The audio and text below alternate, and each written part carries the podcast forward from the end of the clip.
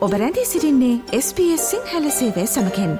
වැඩිතුර තොරතුර දැනැනීමට පිවිසන්න ps.com.ta/ Sinhala වෙපඩවයට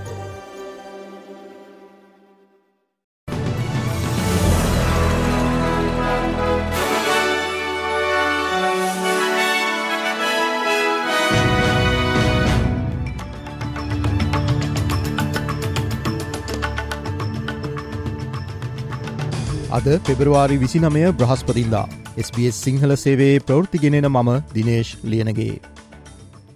ඔස්ට්‍රලයානු හිටපු දේශපාලක්ඥයකු ඉලක්ක කළ ඔත්තු බැලීමේ සංවිධානයක් පිළිබඳව ඔස්ට්‍රලයානු බුද්ධංශ ප්‍රධානයා හෙළිදරව් කර තිබේ. මෙම රහසොත්තු බැලීමේ සංවිධානය හිටපු දේශපාලක්ඥයාගේ මාර්ගෙන් ඔස්ට්‍රලයානු අග්‍රමාත්‍යවරයාගේ පවුලේ සාමාජිකයකු වෙත ලංවීමට උත්සාධරා ඇති බව ඔස්ට්‍රලයානු බුද්ධංශ ප්‍රධානී මයික් බර්ජස් පවසා සිටී.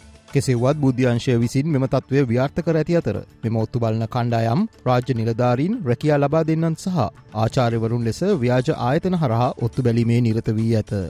මෙම කණ්ඩායම ඔස්ට්‍රලියාව පමණක් ඉලක්ක කරගෙන කටයුතු කරන කණ්ඩායමක් බව මයික් බර්ජස් වැඩිදුරටත් පවසා සිටී. We've come full circle. While the terrorism threat level is possible, if we had a threat level for espionage and foreign interference, it would be at certain the highest level on the scale. I want the A team and its masters to understand that if they target Australia, ASIO will target them. We will make their lives and their jobs as difficult, costly, and painful as possible. Federal ආණ්ඩුවේ පළමු නිවාස ගැනුම්කරුවන්ගේ යෝජනා ක්‍රමය කැන්බරාහි පහළ මන්ත්‍රී මණ්ඩලේදී අනුමත වී තිබේ. කෙසේවත් එහි අනාගතය පිළිබඳ යම් අවිනිශ්චිතතාවයක් පවතිී. හෙල්ප්ටු බයි ස්කීම් ලෙස හඳුන්නන මෙම යෝජිත ක්‍රමවේදය මගින් නව නිවසක් මිලදී ගන්නා ගැනුම්කරුවන් සඳහා සියට හතලියක ආයෝජනයක් රජය විසින් සිදු කරනු ලැබේ. පවතින නිවසක් මිලදී ගැනීමේදී මෙම ප්‍රතිශතය සියට තිහක් වේ. කෙසිවත් ග්‍රීන්ස් පක්ෂය මෙම යෝජනාව සඳහා තම විරෝධය ප්‍රකාශ කර සිටී. මෙම යෝජනා ක්‍රමය මගින් බොහෝ පිරිසිට සහනයක් අත්වන බව සහ මෙම යෝජනාව පාර්ලිමේන්තුවේදී සම්මත වනු ඇති බවට තමන් විශ්වාස කරන බවද නිවා සමාත්‍ය ජූලි කොලින්ස් පවසා සිටී. This scheme is specifically targeted at low and middle income Australians, and I would say that obviously the disadvantaged uh, and low income people that it will be supporting are people that otherwise wouldn't get into home ownership, and you would expect that a large proportion of those uh, will be women. And certainly, when we report on who it's assisting, we intend to report uh, the types of cohorts that it is supporting.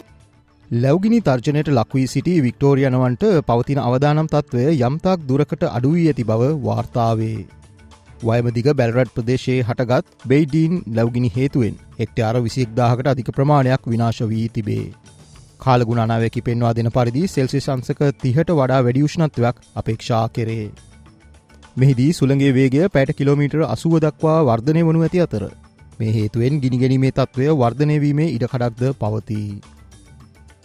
ඔස්ට්‍රලියාව තුළ ආහාර ගැනීමේ අක්‍රමිකතා ඇති පුද්ගලින්ගේ සංඛ්‍යාව ඉහළයාමත් සමඟ ඔස්ට්‍රලියාව මහජන සෞඛ්‍ය අර්බුදයකට මැදිවී සිටින බව මේ සම්බන්ධ ක්‍රියාකාරීන් පවසා සිටී. බටෆ්ලයි පදනම ඇස්තමේතු කර ඇති පරිදි ඔස්ට්‍රලයානුවන් මිලියන එකයි දශම එකක් මෙවැනි ආහාර ගැනීමේ අක්‍රමිකතා සමඟ ජීවත්වේ. මෙය වර්තමාන ඔස්ට්‍රලයානු ජනගහනෙන් සියට හතර දැශම පහක් වන අතර මෙය දෙදස් දොළහෙ සිට මේ වනතෙක් සියට විසියක වැඩිවීමක් ලෙස වාර්තාවේ. ශ්‍රී ලංකාවෙන් වාර්තාාවන උණුසුම් පුවත් අද මෞබිමෙන් පුවත් විශේෂාන්ගයෙන් බලාපොරොත්තු වන්න. යුද්ධ හේතුවෙන් පීඩාවට පත් ගාසාතීරයේ සියගණන් වැසියන් ආහාර මලු එකතු කර ගැනීමට කටයුතු කර තිබේ. මෙහිදී නගරයේ විනාශවීගිය වීදි හරහා බොහෝ පිරිස් ආධාරමලු රැගෙන යනු දක්නට ලැබී තිබේ. මෙහිදී ආධාර ලෙස ලබා දුන් තිරිංගු පිටි මලු ලබා ගැනීමට බොහෝ පිරිස් පොලිමේ සිට ඇති බව වාර්තාවේ. පලස්තිීන සරනාගතයන් සඳහා වන එක්සජාතින්ගේ සංවිධානයට අනුබද්ධ අන්රාවා ආයතනය විසින් මෙසේ ආහාර බෙදාදීම සිදු කර තිබේ. බංගලාදේශ සංචාරය සඳහා ක්‍රීඩා කරන ශ්‍රී ලංකා කණ්ඩායම නම් කෙරේ. බංගලාදේශය සමඟ පැවත්වෙන විස්සයි විස තරඟාවලිය සඳහා දාහත් දෙනෙකුගෙන් යුත් කණ්ඩායම ශ්‍රී ලංකා ක්‍රිකට් ආයතනය විසින් ප්‍රකාශයට පත් කර තිබේ. මෙම කණ්ඩායම ක්‍රීඩා හා යව්වන කටයුතු අමාත්‍ය හරින් ෆ්‍රනෑන්ඩෝ විසින් අනුමත කර ඇති අතර අද එනම් පෙබ්‍රවාරි විසිනම වනදා බංගලාදේශය බලා පිටත්වීමට නියමිතයි. මෙහිදී කණ්ඩායමේ නායකයා ලෙස වනිදු හසරංගද උපනායකයා ලෙස චරිත් අසලංකද නම් කර තිබේ. තරග තුනකින් සමන්විත T20 තරගාවලිය මාර්තු හතර වනදා ආරම්භෝන අතර. ඉන් පසුව බංගලදේශය සමඟ එක්දින තරග තුනක් සහ ටෙස් තරග දෙකට ශ්‍රී ලංකා කණ්ඩායම සහභාගවීමට නියමිතයි.